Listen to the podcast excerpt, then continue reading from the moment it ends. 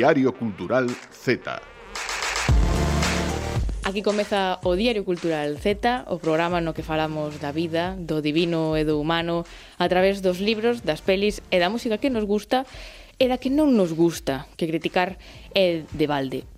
Eu son Lucía Junquera e hoxe teño que dicir que perdemos un pouco de talento neste programa. Estamos tristes. É como Pero se nos cortara unha perna. talentosas Celia Riande e Silvia López. Hola. Somos, somos talentosas. Sodes. Unha Pero cousa non quita a outra. Perdemos unha pata de talento hmm. desta mesa. Agora somos mulleres talentosas. Eso non está mal, eh? Non, sí, sí. Non está Ahora mal. podemos dicir Que eso. xa todo mulleres, pero claro, perdemos a Anxo, que desta vez mm, perdémolo a medias porque o forzamos a volver a, a radio para desta vez ser o que responde ás preguntas do, do cuestionario, a ver que tal se lle dá. Que mm. tome a súa propia medicina. Exactamente. E molo torturar ali un pouquiño para, para despedilo. Pero seguiremos facendo cuestionario. Ahora somos nos as que, as que imos exercer a, a tortura. Tamén as responsables. Somos moi responsables, sí. Pero o demás continua todo igual. Uh -huh. Para ben e para mal. Pa. Celia Reandi. Moi bons días. Moi bons días. Ou boas tardes. Ou boas tardes. Ou boas noites. Ou boas madrugadas. Que me queres? A película, que? a tua película. Vou falar de West Side Story, o remake. Vou titular a miña, a miña sección como West Side Story 2. Punto, punto era necesario? Xa está. Bo resumo. Entendemos que non era necesario. Sabes o que sí que é necesario? Dime. Así cando estás mal, tomar unha boa sopa. Non sei por que insisto no da sopa, porque o mellor non ten moito xeito. Sopa de galiño. Sopa de galiña. Sabemos como fía Lucía aquí as cousas. Sí, sí, que xa, xa sei como Maravillosamente. Fía. Sí. O refrán que imos escoller hoxe é Pita Bella aínda fai bo caldo. Caldo, ves, caldo. Que Pita está aí, sí, está o caldo, non é a sopa, pero isto é para falar dos maiores, da súa sabedoría, da súa experiencia, da importancia de escoitalos a través da música que escoitamos hoxe en día. Aquí non censuramos a ninguén, moito menos a Silvia. A mí me censuras. A, a ti a veces. a veces me censura. É pero verdade, hoxe, pero hoxe vou facer un alegato contra a censura, así que desculpas, Celia, algunha vez. Vale. Gracias. Foches censurada neste programa. Gracias. Non era a miña intención, ou sí, un pero... Pouco, no, sí. Un pouco, sí.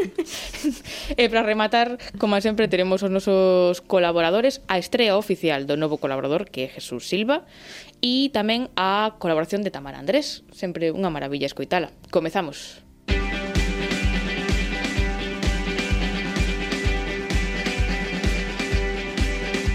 Que no pase un día sin que des tu opinión de mierda. España necesita conocer tu opinión de mierda. Pode haber algo máis libre que a creación artística e ao mesmo tempo ameazante. A arte non ten por que ser política e combativa por imperativo legal, ni moito menos, pero acostuma selo de xeito máis sutil ou evidente e cando as liberdades están ameazadas, os artistas levantan a súa voz. Hannah Arendt a filósofa que de novo traemos aquí dicía que o terror é a esencia da dominación totalitaria. A dominación exércese de moitas maneiras e con moitos obxectivos. En Europa non hai moito tempo, os rexímenes totalitarios estendíanse dende o norte, o sur, oeste e o oeste. Nazis, soviéticos, franquistas, ponlle a cor que queiras que con todo o goberno totalitario vai haber terror e a cultura vai se ver ameazada. A cultura, claro, é perigosa tamén baixo a forma da democracia. Quedamos en España no 2020-2018 O nome de Pablo Hasél resoa aínda condenado a nove meses de prisión por enaltecemento do terrorismo e inxurias á coroa e ás institucións do Estado. Como provocou tal ameaza? Escribindo cancións e publicando uns tweets. El chegou á prisión, pero outros 150 artistas, xornalistas, tuiteiros, políticos foron condenados nos últimos anos en España por delitos de opinión. Pode ser de merda ou non, pero unha opinión non pode ser un delito. Hoy miro a través de ti las calles de mi Habana.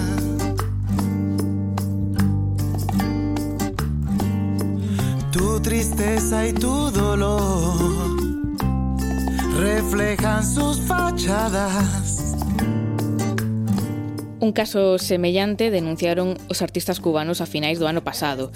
organizacións internacionais e máis de 300 intelectuais de todo o mundo firmaron unha petición dirixida ao goberno cubano exixíndolle respectar o papel fundamental que xoga a arte e os artistas na sociedade e o cese da persecución contra artistas que expresan posicións políticas que non coinciden coa ideoloxía ríxida do goberno. Neste mundo, no ano 2021. Solos tú y yo. besando las heridas. Ay, ah, Habana, cada vez te olvidabas más de ti.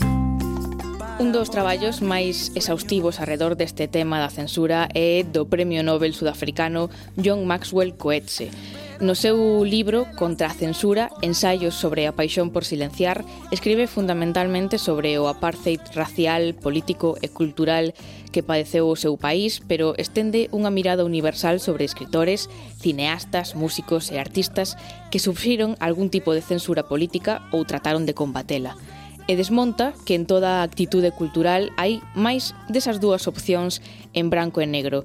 Estamos a favor ou en contra, o ben e o mal, a cobardía autocensurada da masa ou a heroicidade non censurada dunha minoría.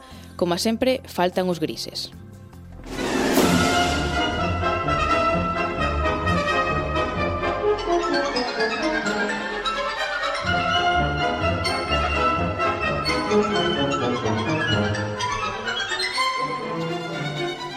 Que as cousas van máis alá dos negros e brancos descubrímolo con outra lectura, unha novela baseada en feitos reais de Julian Barnes. O escritor británico preséntanos en O ruido do tempo a historia do compositor ruso Dmitri Shostakovich.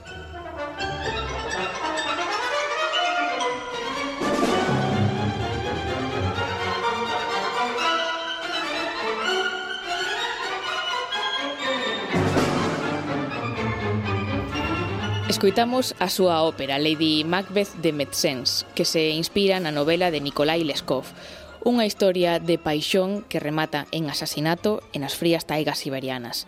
Iso mesmo, o de acabar en Siberia lle puido pasar a Shostakovich cando presentou a obra en 1936 e tiña entre o público a Stalin.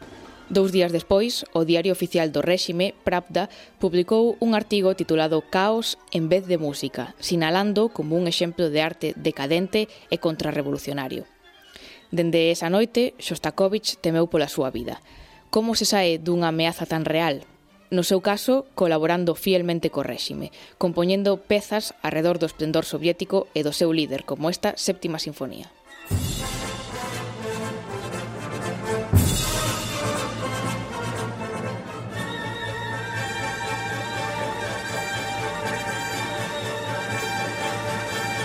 Non era a música que el quería facer, pero era a que lle permitiría sobrevivir.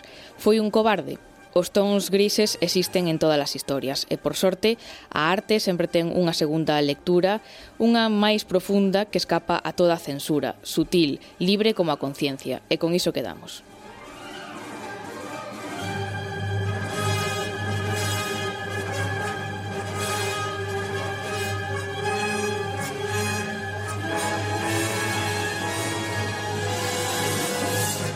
Diario Cultural Z.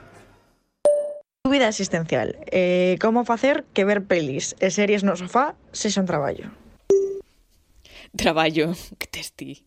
Traballo, teño moito que facer. Tes moito traballo. Sí. Vendo estas películas. Mira, eh, esto sí que é unha mostra de que eu realmente fago sacrificios por este sabémolo, programa. Sabémolo. Primeiro foi ver Cámara Café. Sí. Un gran sacrificio. Ese non foi o peor. Opinión. Non, non, non. Ese non foi o peor nin de lonxe. A desta semana é peor? Diría que sí. Disfrutei moito máis con Cámara Café. Um, decidín ver eh, a nova de West Side Story, que é un remake, un peliculón. como lle din agora, da original.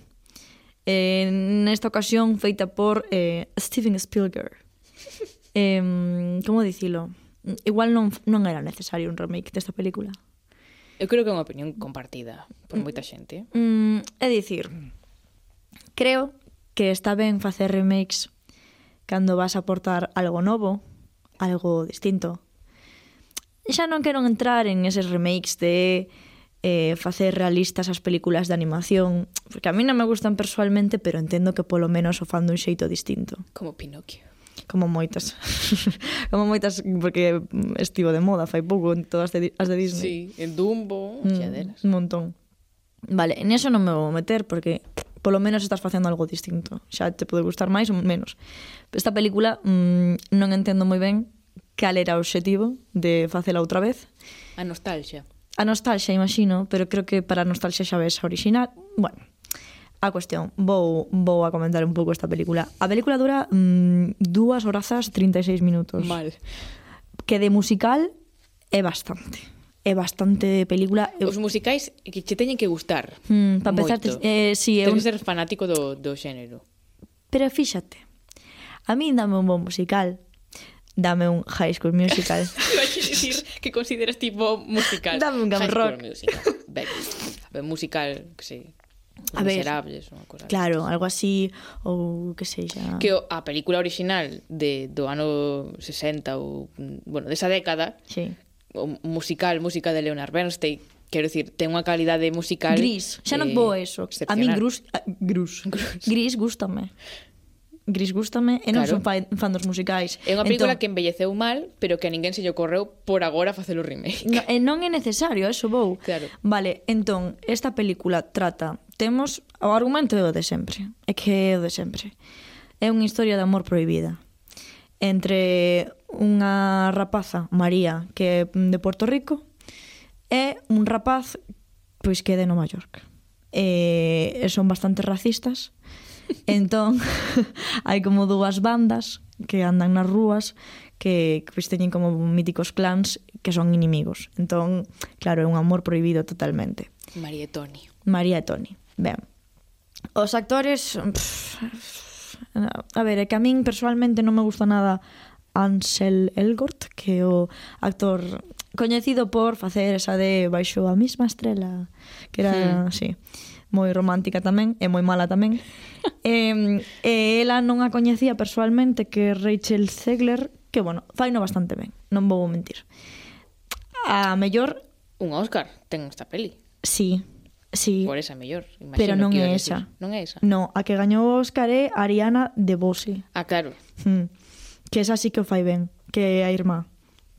Esa sí, moi bo papel. A cuestión. Eh, a historia. Eu non sei... Contexto. Eu non vin a original. Eu quixen ir cos ollos abertos. A ver se me captivaba esta e historia. E cos ollos pechados é, é difícil ver unha película. É verdad.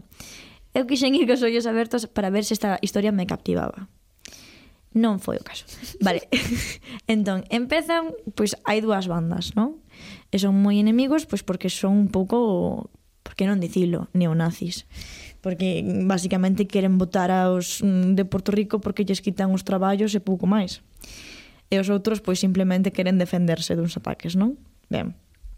Entón, eh, hai un hai un rollo tamén moi de nacionalismo estadounidense a tope de de feito a canción esta de I want to live in America ne, ne, ne, ne, ne, ne, que é mítica sí, vale. sí. vale esto igual xa entraba entraba mal, bueno, igual entraba mellor na súa época, agora entra Claro, é que dos anos 60 pasou un tempo. Claro, claro, igual no seu momento ok, pero hai cousas que igual non facía falta rescatar. Unha desas é, é ese nacionalismo. Outra cousa, a historia de amor mmm, non hai por onde collela, quero dicir. Coñécense nun baile, mmm, intercambian unha mirada, e desa mirada é como que, sabes a mítica escena de todas as películas absolutamente na que so, parece que, que, na, que na habitación só había dúas persoas, entón cruzan miradas e non hai ninguén máis. Bueno, pois... Non volvas poñer esa voz. Vale. E ese rollo eh, xa se bican ao, aos tres segundos e eh, están namorados de, de morrer o un polo outro, sabes? O sea, a ver, non vou entrar porque isto é bastante mítico das pelis de amor, pero sí. pero é que, de verdad, ademais eu considero que non hai moita química entre estes dous actores. Non, a mí non me non simplemente non. Vale. Entón, a película avanza e que, de novo, as cancións están guais. Porque as cancións están ben. Claro, que a música é sí que entón, é impecable. Eso non se lle pode facer nada malo porque xa é a que era e non van a cambiar as cancións. Bien. É que se chegan a cambiar as cancións sí que xa sería No, é que penoso. xa, sí, sí, sí, xa sería lamentable, claro. A ambientación bueno, está guai, quero decir, pero tampouco entendo porque tamén recrean como ese aire dos anos 60, pa eso xa ves a original, penso eu. Claro, o sea, podían ter feito unha actualización hmm, pues, porque, por exemplo, na peli de Annie, sabes, a mítica americana, que tamén é un musical, non sei se coñeces, bueno, no. hai un musical que é o de Annie, que, que é moi coñecido tamén, Eh, a original, a actriz original era unha nena, pois, mm, tiña o pelo vermello, era como moi antiga esta peli, ten temazos, eh? Temardos. E fixeron como un remake que foi moi polémico porque a nova nena era negra, para empezar, e ademais vivían como en Nova York, era pois na actualidade. E ese, vale, podía gustarche máis ou menos, pero polo menos tiña un sentido que se fixera un remake porque actualizaban o que é o argumento e a situación á época de agora.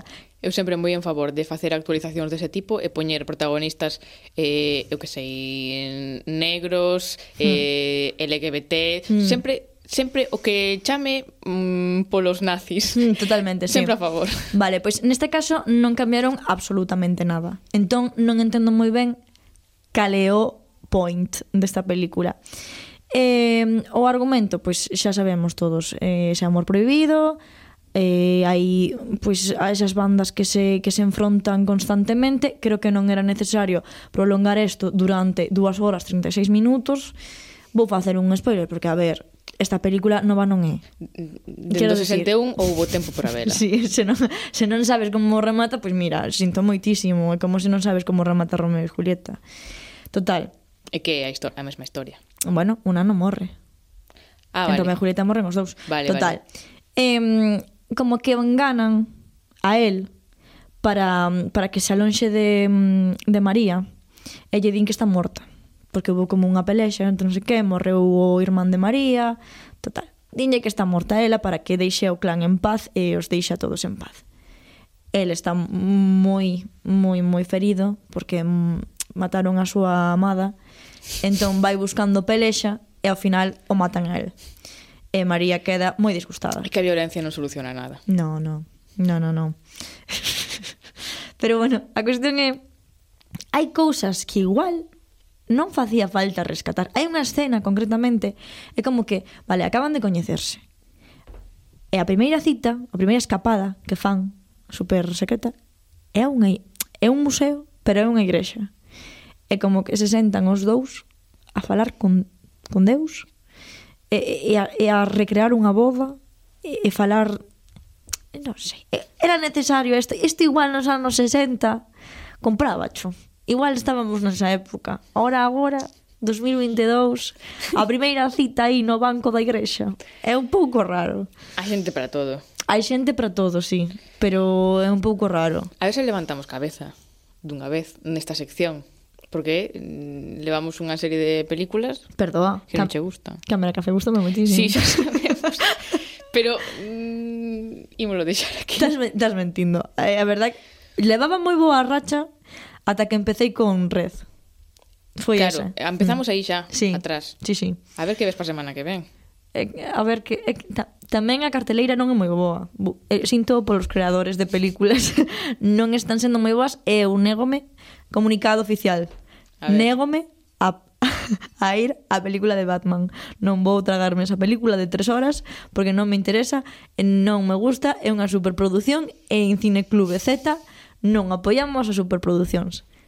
Bueno, si sí, es que apoiamos, pero, pero esa concretamente non. Punto. Eh, clarísimo. mm, Véxote moi aberta de mente, uh eh, -huh. ti cos ollos abertos uh -huh. sempre, así que moitas grazas. De nada. Vai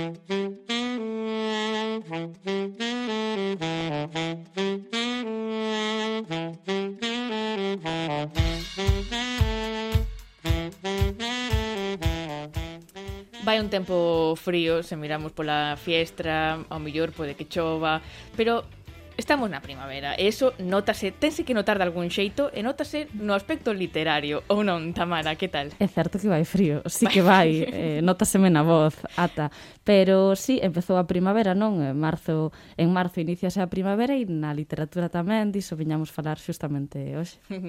A literatura que así é, é, é moi ten moito de primavera.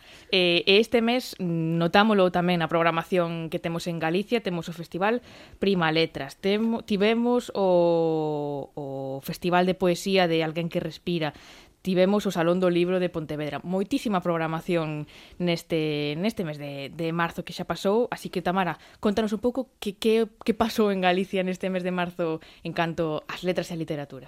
E toda esa programación, ademais, Lucía, non vertebrada arredor do eixo atlántico ou da AP9, como sí, se sí, queira sí. dicir, Eh, pois sí, eh, atinaches, non? Tivemos na Coruña esa primeira edición do Prima Letras, eh, cuxa programación se estende ata maio, despois se queres falamos un chisco diso, que uh -huh. está organizado polas bibliotecas municipais da Coruña.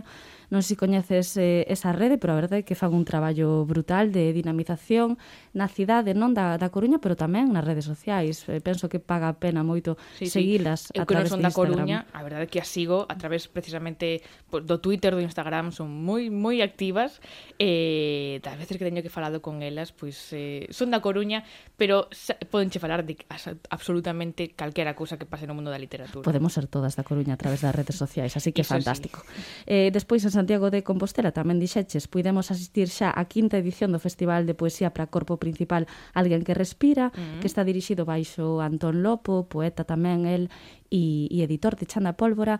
Eh, bueno, é un, festival, un festival elegantísimo, despois tamén falaremos disto, e Pontevedra acolleu nada, nada máis e nada menos non que a edición número 23 do Salón do Libro Infantil e Juvenil de Pontevedra, polo que podemos dicir, Lucía, que o Salón do Libro Infantil e Juvenil de Pontevedra tamén é Z, porque ten 23 anos. Exactamente, é máis Z que nós. É máis Z que nós, efectivamente. Nos saímos un pouco máis bellas, demasiado bellas. Entón, comezamos entón, se che parece, polo Festival eh, Primaletras, que temos aínda moita programación por diante ata o mes de maio. Efectivamente. Eu quería destacar unha cousa, que eu hoxe quería falar de moitas cousas e non sei como se deu a, a ocasión, pero creo que vai ir todo mm, ben fiadiño. Eu quería destacar o encontro que tivo lugar con Jesús Castro Yáñez, e tivo lugar na Biblioteca de Estudos Locais alrededor do libro Campo de Plumas, poemas LGBT máis para a mocidade, sempre digo LGBT plus, pero non máis, por favor. Eh, e é un libro do que xa me interesaba falar hai tempo e mira, eh, deus a ocasión hoxe. Foi un encontro onde participou o Club de Lectura Cuiruña porque foi unha lectura que xa fixeran eles eh, neste clube, uh -huh. eh, mas bueno, podía entrar calquera persoa e, e interesábame falar xustamente de Campo de Plumas, é unha antoloxía de autorías poéticas eh, que escribiron desde a diversidade de identidade, non? De, de identidades eh, e orientacións sexuais en distintos tempos, en distintos espazos, en distintas linguas e que Jesús Castro Yáñez escolmou, eu falou, el falou nese encontro eh, que fixo un, un labor tremendo en, en bibliotecas, non que estivo moito tempo fondeando nas, nas bibliotecas públicas, entón escolmou como as eh, autorías que a el lle interesaban ou que lle parecía máis salientable traducir o galego e ese foi un proceso que tamén el mesmo fixo, non? Vertelos, verter todas esas autorías o galego uh -huh. e, e, e entón a min pareceme moi interesante esa antoloxía, non? Como porta de entrada a, a poéticas eh, que falan desde, digamos, identidades, eh, non sei se dicir máis marxinais, non, pero si sí, disidentes, invisibilizadas, de, invisibilizadas, descoñecidas moitas veces, eh, teño aquí anotadas algunhas, por exemplo, Safo, non, que sí que é un pouco máis mítica, pero Sor Juana Inés de la Cruz, tamén está Gloria Fuertes, a que coñecemos un pouco en relación á literatura infantil, pero uh -huh. ten, ten máis lecturas, non? Eh, René Vivian, Lorca, Gil de Doolittle, Elizabeth Bishop, Bishop, Pat Parker, María Mercé Marsal, etc, etc, etc. Hai unha chea de autorías aí, e iso, o que dixen antes, penso que unha moi boa porta de entrada a, a poesía eh, que fala de identidades, non só de amor, senón de eh, diferentes xeitos de estar no mundo. Uh -huh. É un libro que, que, que, que lin, que, me, que teño na miña biblioteca persoal, porque me parece un libro, um, ademais, moi bonito, entrar a través da poesía e saber que non estamos sós no mundo ou que alguén se pode sentir acompañado tamén a través da poesía, pois dende a idade antigua, antiga ata ata os nosos días. Falemos do que falemos, ti sabes de todo, ti xa eh, é certo que se publicou non na no selo Sushi Books, que é o selo destinado a a literatura para a mocidade mm. ou para a infancia de de Rinoceronte Editora, pero penso que pode ser unha lectura a caída para calquera persoa. Eh, xa que estamos falando de poesía, eh, miramos agora cara a Santiago, cara a ese quinta edición do Festival Alguén que Respira. Eh, sí, señora, ademais ten moito que ver tamén con, con este campo de plumas, porque este ano eh, o, o eixo vertebral eran as disidencias, non? Ese era mm. o, o subtítulo do festival. Eh, justamente Corpos, Desexos, Disidencias na programación deste festival atopamos non o, o máis canónico, recitais, concertos, pasaron persoas que viñeron ata Santiago desde diferentes puntos do Estado. Penso, por exemplo, en Miren Agur Meave, que, quen foi Premio Nacional de Poesía. Penso tamén en Alejandro Palomas, que foi quen arrincou o festival. Rodrigo Cuevas, tamén, non? De, desde Asturias, eh, nese espazo que se chamou Poesía dando a nota, que me pareceu tamén un título eh, ben, ben curioso. Estivo tamén o proxecto Mourente, desde a parte musicada, pero a min gustaríame tamén destacar eh, unha cousiña que, que son os cafés que tiveron lugar no, no Ambigudo, o Teatro Principal de Santiago de Compostela, e quero destacalos porque mm, foron espazos como xa, xa estaban presentes non nas, eh, nas anteriores edicións, pero son espazos que dan lugar a, a reflexión comunal, non tipo de ir e formar parte activa, como es, non como espectador, sino ir como espectador e, e volverte un pouco parte do, do uh -huh. festival tamén. E penso que iso é algo moi lindo e algo moi salientable. Uh -huh. Ademais, un, un festival, xa que estamos no, no Diario Cultural Z, que ten de, de voces consagradas, pero ten voces moi novas, eh, galegas e, e, e nacionais, que, que estiveron tamén presentes eh, ali nese, tamén nese foro, nese espazo de máis aberto. O propio Jesús Castro Llañez tamén, por se dicía antes que nos quedou ben sí, enfiado, sí, sí, sí. eh, pois estivo sobre o escenario presentando Canícula Circular, que era unha produción propia, non? Pre presentada a propósito para para este festival. Estivo tamén Elizabeth Duval nestes cafés, eh, Marga Tojo, Claudio Pato, que se empezou a dar nomes, hoxe non acabamos. Teresa Moure, Xavier Queipo, Ana Romaní, compañera da casa, Daniela mm. uh -huh. Sorei, eh, unha chea de nomes eh, que en representación non da, da poesía galega. E eh, dicía antes non que viñeron persoas do, desde outros lugares do Estado, pero tamén houbo boa representación galega. Uh -huh. Esa foi a edición de, digamos, de primavera, pero sabemos que van tamén ca, cas estacións, entón agardamos xa pola, pola seguinte a ver que nos traen agardamos do, das seguintes. Eh, falamos tamén do Salón do Libro Infantil de, de Pontevedra, que é máis zeta que, que nunca.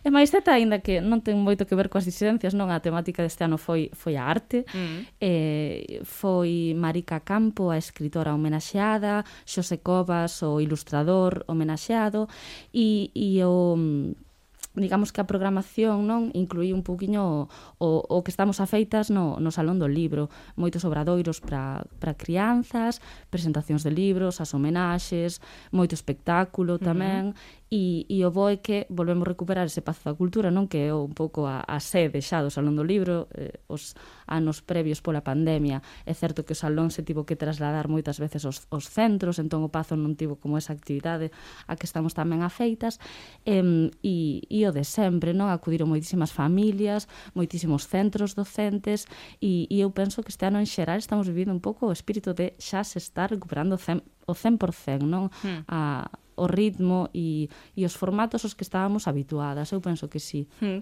Eh, quería tamén mm, recordar que no salón, neste edición do Salón do Libro, estiveron nese espazo de, de arte eh, as rapazas de Espazo Bretema, que sí. esteñen, están, están recén graduadas en Historia da Arte, pasaron por este Diario Cultural Z, así que foi tamén un auténtico placer velas ali eh, triunfando totalmente. Triunfando, efectivamente, era o que ia dicir. Eh, E decíamos que, que o Prima Letras da Coruña ten actividades hasta maio, entón a ver, de aquí a maio, que, que poderemos facer por ali, Tamara? Pois vai haber encontros con autorías que creo que son moi interesantes. En abril estarán en Mapedreira, eh, Viviana Candias, en Non Lestes Azucre, un libro que recomendo mm. moitísimo.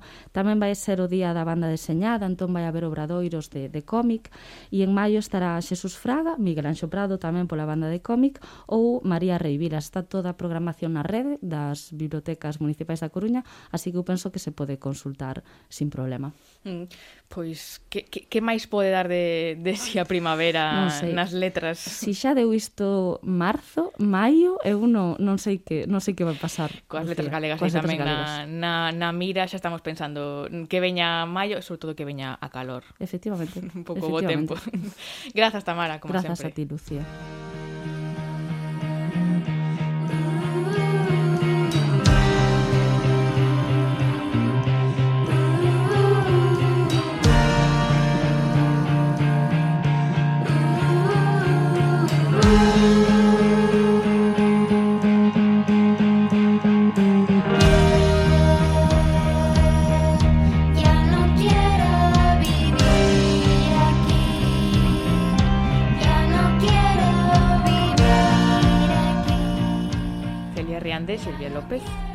López López.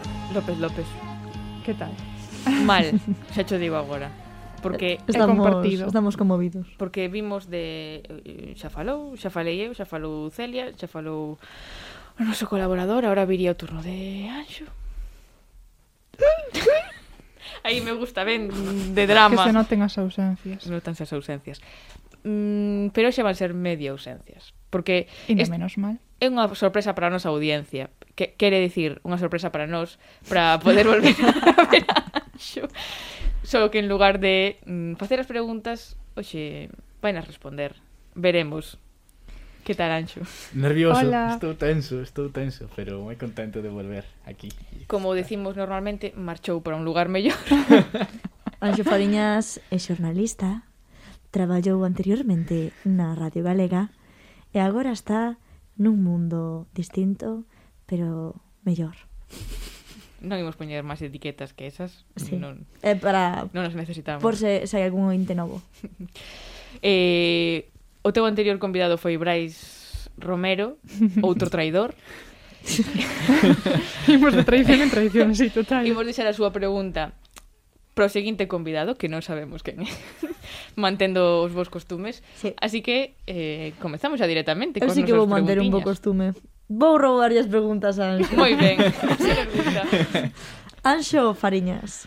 Celia Riande. Cal é o teu trazo moi sexy? Uh. Mm, a ver, eu diría que teño boa percha, honestamente. Oh, Así todo en xeral. Pero, cuidado. Ademais, eh, ademais mm, son moi humilde e teño ben, ben de carisma. Moi ben.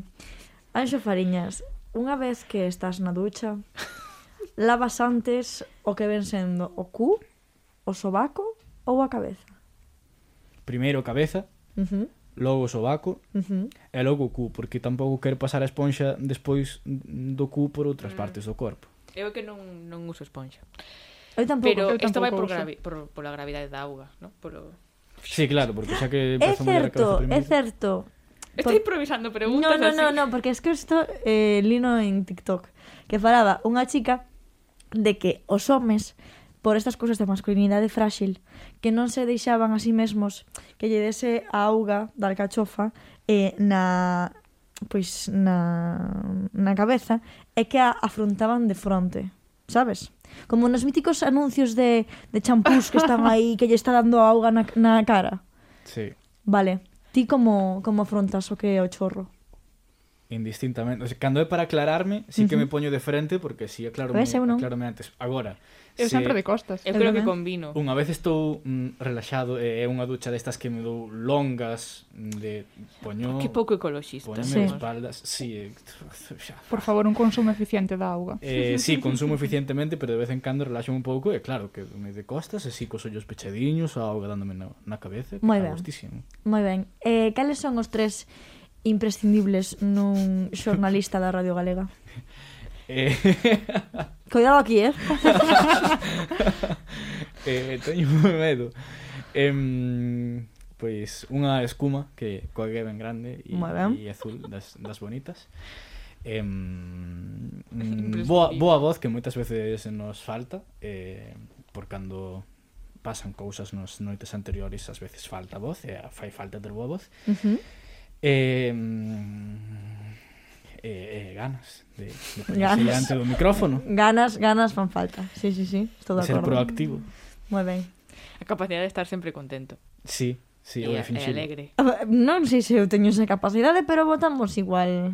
Os, os programas saen adiante igual. Claro, claro, sí. Somos aquí, bons actores. Sí, aquí sí, cada un con súas... Sí, sí, eu diría a interpretación, eh, porque sí, a interpretación. paso que pase detrás dos micros, hai que botar unha boa cara. Anxo Fariñas, Me que eh, un... Colleu, colleu sí, o micro e eh, as preguntas vai a facer todas. Ela. Podedes interromper cando querades. Pero encántame que o nomees no, no en cada pregunta. Sí, Gústame. por si acaso cambia. sí, sí. Cal é o teu antirreferente? Aí vamos. Eh, no mundo do xornalismo, entendo. No mundo en da xeral, radio. En xeral. Eu xa lle deixo liberdade. A ver, en xeral Nicolas Cage. No mundo do xornalismo... vale. Pobre no mundo do xornalismo, eh, Pablo Motos pa, vale, boa resposta, entendo as causas. Eh, entendo. Ben, comprendo. Analizando respostas. Queres facer ti agora unha pregunta? Vou facer unha pregunta, pero escribíchela a ti, así que... Vale, pois pues dalle. Se queres o papel, fala a ti. No, no, dalle. Moitos créditos está levando, Celia. Todos, todos, todos para ela. Eh, fuck, Merry Kill, Roberto Vilar, Galloso ou Kiko Novoa. Wow. Chan, chan, chan. Eh, A ver, eh, Merry arregalloso. Vale. Mm, non vou dicir as causas, creo que son obvias, me arregalloso. Un señor tenro. Eh, Tira pa diante. Mm, despois quédame Fuck ou Kill entre os Roberto Vilar e Kiko Novoa. Home, estaría feo matar a Kiko Novoa, non? estaría que sexa por educación. Kilo Roberto Vilar. Meu pobre, Kilo compañero. Roberto Vilar mm, de cabeza. Que non estás indo sí, moi ben parado nestes dous últimos cuestionarios, por outra parte. Non, pero algo faría. Que preferirías? Se seguimos o fío de Roberto Vilar. Traballar eternamente como guionista, pero só da parte de chistes baratos do, do Land Rover ou traballar na Radio Galega limpando os caixóns de certos xornalistas que traballan nesta casa. Elixe. A ver, a primeira, polo menos teño unha limitada venta a creatividade. Vale. Entendo, entendo. Silvia, queres facer algunha pregunta? Eh, Estou... Mm, Está flipando. Alucinando. Sí, sí, sí, sí. Eh, a clásica pregunta de Anxo Fariñas, con que banda sonora perdiches a virxinidade? Conta ya a audiencia que la conversa. Mm. El, el foi no máis suave. El di a túa primeira vez. Pero Silvia vai aí. Ti vas a cañón. Anxo ah, Fariñas, em... con que banda sonora tiveches a túa primeira vez? Moi ben. Eu sinto decepcionar, pero eu con ninguna. Eu, silencio, habría música de festa por detrás, pero a verdade non me acordo, o sea, era silencio, ruido de ambiente. Recordaba distinta a resposta, así non lle vin chicha. Eh, eu, que resposta? É eh, que eu creo no. que está mentindo. Non faláramos isto, e a resposta de Anxo era impactante. Ai, Se... Dios. No. Eu recordo, de feito creo que saiu daqui a desa conversa saliu a pregunta. Da resposta de Silvia. Churun, churun, Pero churun, que deixemos, que deixemos para, deixemos para outro día. A resposta interesante fora de Silvia. Anxo Fariñas, onde levarías a alguén nunha primeira cita? Mm... Para impresionar. Se fai bo tempo, eh, a cear a terraza da Tabo de Picar Vale, correcto. Así en verán unha, no unha noite cálida coa catedral iluminada. A táboa de picar, para os que non sexan de Santiago, é un sitio de Santiago. Punto. Digo, porque igual... Restaurante que ten unha terraza dende sí. a que se ve a catedral. É prácticamente o meu comedor. Sí, en esencia. Ti vai dando datos para a túa dirección para que che vaya... Eh, podes falar. Sí. que todo o mundo sabe en que lugar... En que recto lugar máxico vive Celia. Mm, seguinte pregunta. Queres que lea cosas destas? Vale. Ah, é que xa, xa de, das catro que, que, que tiñamos, tres as fixemos e a outra é que vai ser de ti sen a nos acompaña. Esa é a última pregunta. que vai ser de ti, Anxo Fariñas, sen o Diario Cultural Z? Ojo. Eh... pois pues non sei, dame moita pena. non sei que vai ser de min. Antes de marchar, vais nos deixando as preguntas a túa listaxe de convidados que tiñas pendentes. Sí. A ver, axilizar sí, un pouco. Facilitarei os materiais todos que viña traballando duramente. sí, sí. Eu creo que agora chega o momento de que Anxo Fariñas poida pois facer unha pregunta ao seguinte convidado. Non, que a pregunta de Brais, pero se queres facer unha pregunta... Pero que a faga, eu somos... somos... Si, sí, ti fai unha pregunta. Pues Logo non a imos usar. Iso non... Lucía Junquera. É que temos a de Brais pendente para Podemos preguntar a vos? Xa que non se vai usar? A pregunta? Temos que responder agora. Sí, Sí. vale, somos noso Sí. público. Vale. Veña, pero a ver que dis. Medo me Isto non se asinou previamente. Digo eu. Esto en exclusiva. Con que banda sonora tiveste la vosa primeira vez? Que falso, eh. Que Moi falso, ben, eh. pois hasta aquí o o cuestionario Z. Eh, un placer, Anxo. Xa, igualmente. Sei se queres responder. Eh, sí. Eh, vou vos dicir incluso o capítulo. Eu creo que non, non fai falta, pero... La que se avecina. Pero... O de... Aurelio, amador. No, hasta aquí, hasta aquí, hasta. Grazas, grazas, Anxo. Votarei vos moito de menos. Enos nos a ti. E nos. Quero vos. Diario Cultural Z.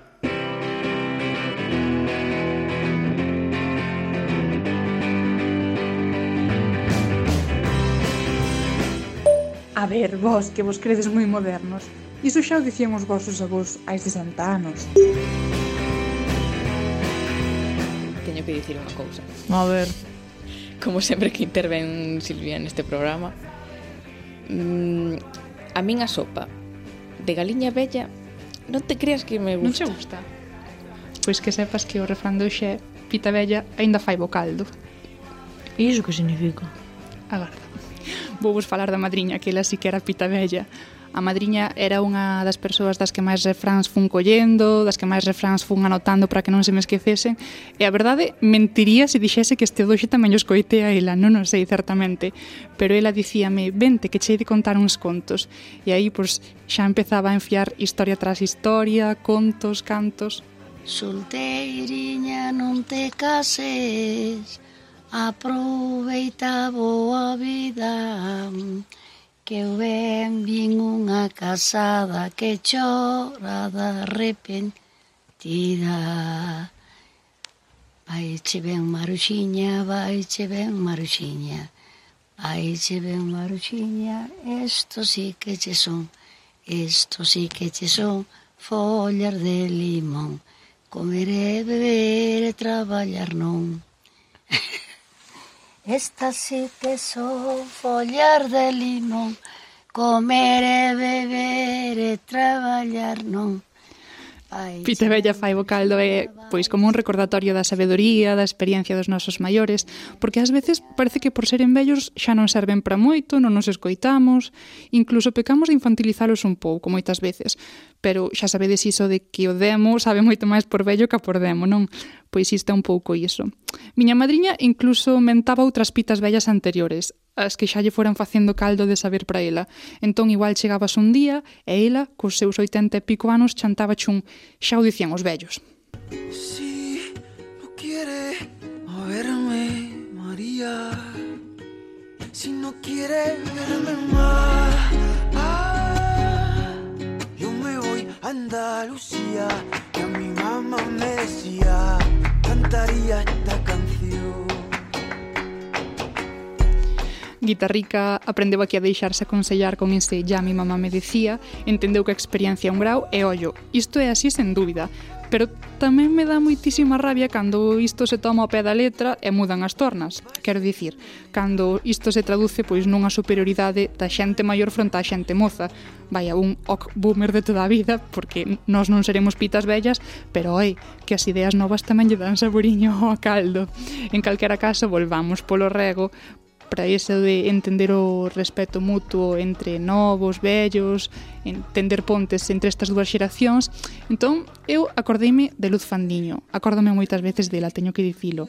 Esa poeta analfabeta a que non querían escoitar, unha muller que anda polos 90, pero que respira vitalidade como ninguén e, e que enamora a que nascoita con todo canto conta por máis que, que moitos no seu momento non a quixesen escoitar. Eu son da clase dos poetas descoñecidos e ignorados.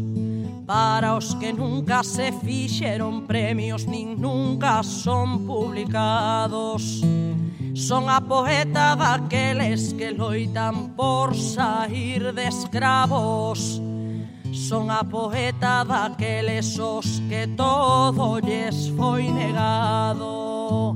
Eu son a poeta daqueles que sobreviven do emprestado. A poeta analfabeta, a poeta dos deserdados. Xa escantou aquí a Luz Fandiño, que tamén é pita bella, Pero a matriña tamén era un pouco poeta, porque cando quería preguntar se alguén era bo estudante, se sacaba boas notas, ela dicía «E ten boa memoria?»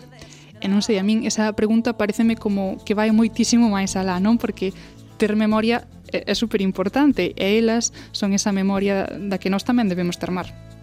Mis memorias me persiguen, eso no puedo librarme. De lo que fui solo queda hueso y carne. Recuerdo lo que me dijo mi abuelo aquella mañana. Se puede perder la vista, pero nunca la mirada. Era distinto en 1932.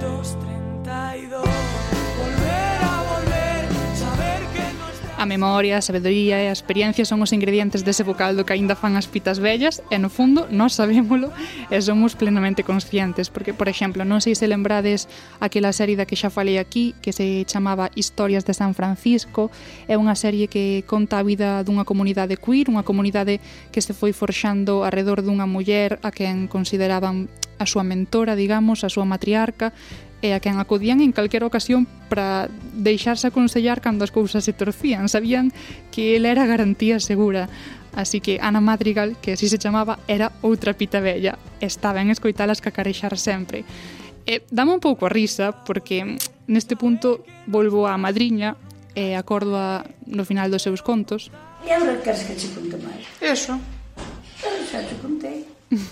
e volvo a Luz Fandiño, a Ana Madrigal ou a Aurora Dallar, que é unha veciña que escribiu as súas memorias e ao rematalas queimou todo, todo o lume, que a quen lle habían interesar, dixo, e eu xurvos que debecía por escoitalas.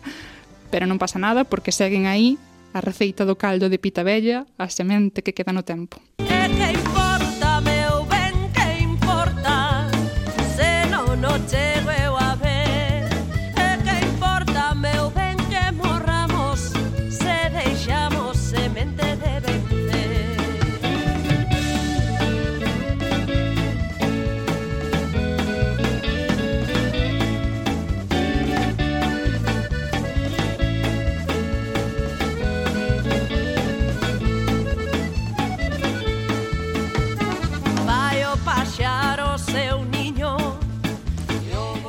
E aí vai este meu dito un pouco máis profundo, pero que é un agarimo entre pitas novas e pitas vellas. E Lucía, agardo que non volvas decir que a sopa de pita vella está mala. e que soe rebuldeiro galiñeiro. E a noite longa e tan dura que a saudade se instala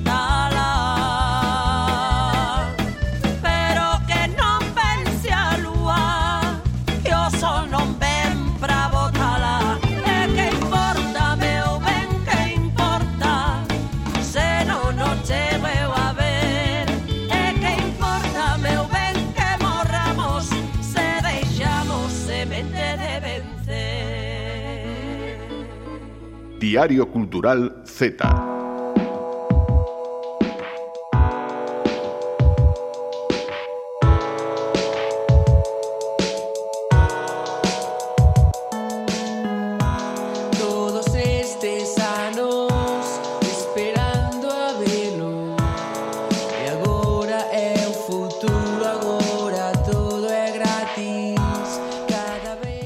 sintonía novo colaborador, Jesús Silva, como estás? Hola, moi ben, bons días Que tal se senta un aquí nesta, nesta mesa do Z? Ben, ben, aínda impón un pouco, eh, pero xa, bueno, toca primeiro programa voando en, en solitario eh, mm. eh, Bueno, como ti decías, quería comezar falando brevemente do cambio na sintonía da, da sección Vale. A partir de hoxe deixamos atrás aos Mundo Prestigio que acompañaron a Brais nas súas intervencións sí, sí. e damos a benvida aos o Ayatolá co seu Todos Xuntos Unidos Sempre é un tema que xa sou por outra parte neste, neste espazo e a razón pola que escollín esta melodía que foi unha das obras eh, xurdidas do proxecto Cine Galicia 2019 é porque se converteu pois nun auténtico himno, realmente. Eh, e, ademais, pasou algo moi particular que é que logrou conectar con distintas xeracións e por iso pensaba que era unha escolla ideal para o Z. Muy ben. Pero pasemos ao importante. Vale. Como comentaba no último programa con Brais, a miña intención é que esta sección siga sendo un espazo no que dar voz a, a creadoras novas e talentosas que representan o presente e o futuro do audiovisual galego. E por iso, hoxe temos connosco un novo convidado que cumpre todos estes requisitos. Pois sí, 100%, porque o noso convidado de hoxe naceu en Vigo no ano 98, é graduado en Comunicación Audiovisual pola Universidade de Santiago de Compostela, técnico de comunicación na Fundación Uxío Novoneira e ademais realizou traballos de edición de vídeo e deseño gráfico para distintas empresas e particulares. Está un pouco a todo. Escribiu, montou e foi axudante de dirección en varias curtametraxes ao longo dos últimos anos e agora mesmo pillámolo eh, rodando a súa primeira longa Os espazos en branco que está dedicado á figura da súa tía a poeta Xela Arias. Así que hoxe damos a benvida ao Z a Bruno Arias. Que tal, Bruno? Hola, ¿qué tal? Moitas grazas. Benvido Z. Grazas. Antes de nada, Bruno, eh, grazas tamén pola, pola miña parte, porque sei que, que te pillamos en medio da rodaxe sí. estes días, así que grazas por sacar tempo para nós. Bueno, estou, estou, estou nun descanso, así que non hai problema ningún. vale, genial. Eh, se che parece, vamos comezar, bueno, polo principio, non? Eh, uh -huh. Mm. Poderías falarnos un pouco de cal foi esa, esa pulsión inicial, non? Que che levou a querer facer este, este filme. Bueno, pois eh, moitas cousas, a verdade, porque eh, eu a idea de facer algo sobre a miña tía era unha cousa que tiña na cabeza xa desde hai moitos anos, moito antes xa das letras galegas por cuestións evidentes. Miña tía foi unha persoa que eh, a toda a familia penso que nos influiu moito, que sempre tivemos como principal referencia, ela e meu avó sobre todo, pero bueno, en xeral eh, creo que todo toda a familia se viu bastante influído por ela. Eh, Entón eu tiña ganas de facer algo sobre ela, sabendo que, bueno, pois que estaba eu xa pois, facendo cousas neste mundo audiovisual e tal, con, con, con moita calma, eh, porque a presentación que fixeste tamén parece que fixe moitas cousas, eu non fixen case nada. eh, pero bueno, iso, eh, tiña ganas de facer algo, eh, con as letras galegas como que foi así o empurrón definitivo que necesitaba, eh, pois como que nos lanzamos a facer algo, a, non sabíamos moi ben ao comezo que facer, queríamos simplemente case facer máis unha homenaxe, ao comezo máis unha cronoloxía da súa vida, divulgar a súa figura, explicar quen era, pero, bueno, mm, non sorprendeu a ninguén, a min sí, pero conforme te vas metendo nun proxecto como este, pois vai collendo moito peso a parte emocional, a parte persoal, mm. incluso moita introspección houve, houve no proceso.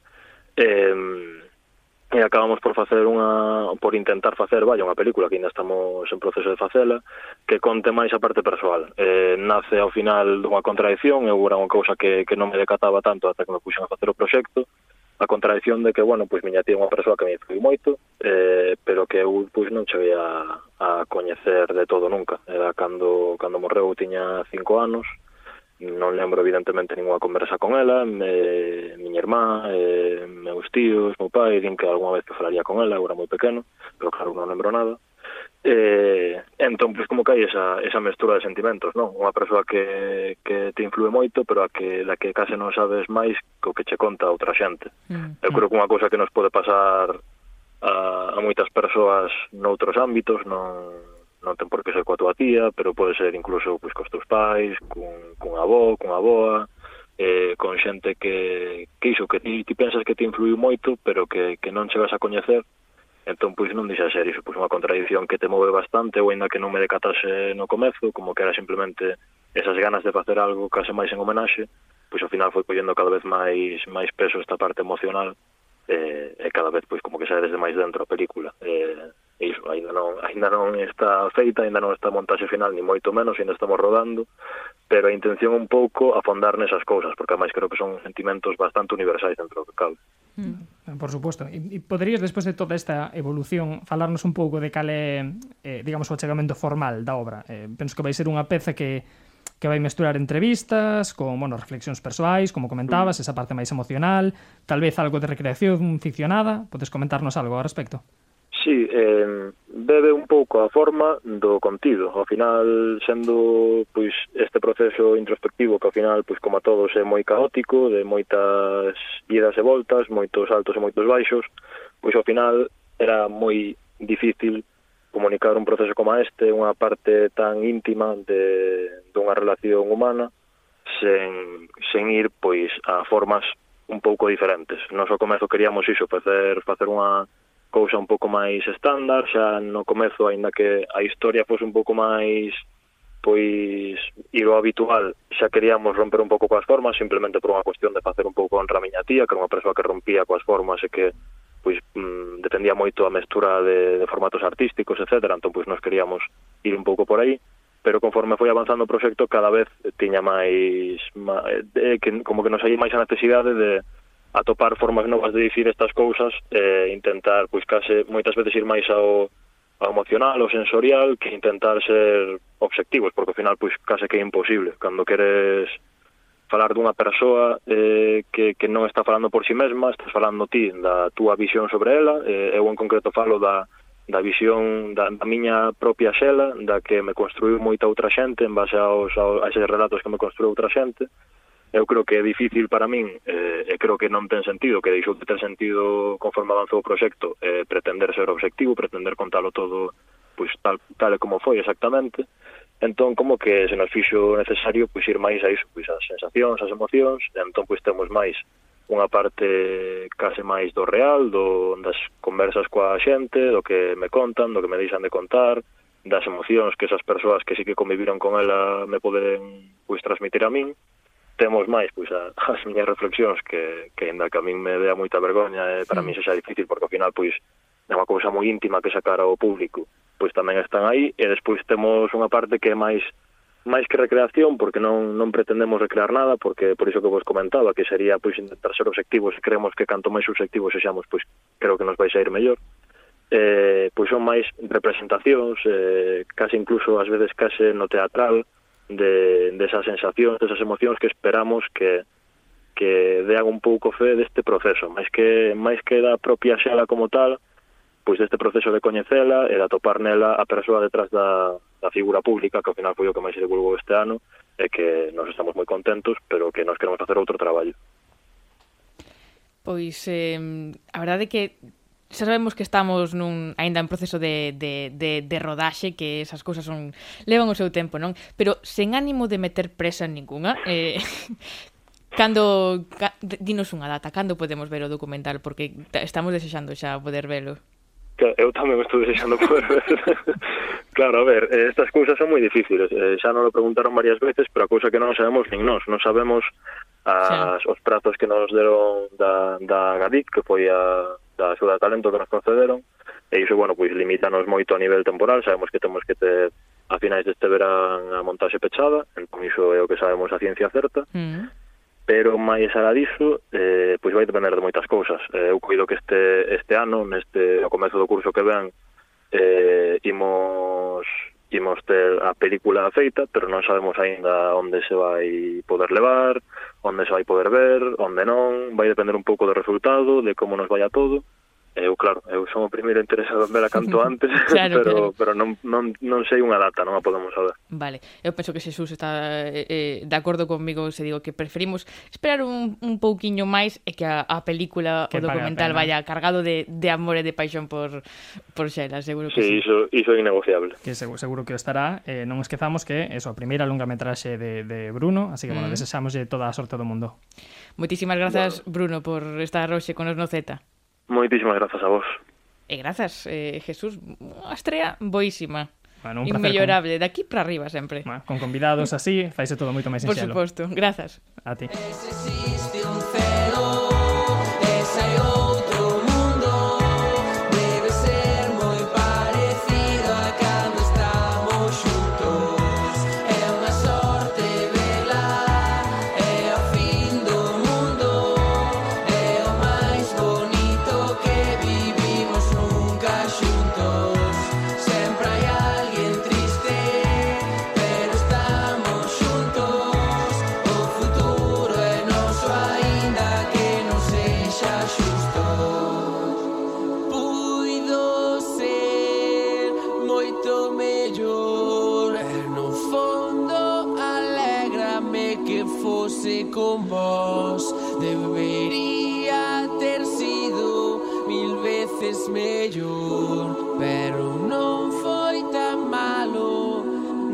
Grazas a vos.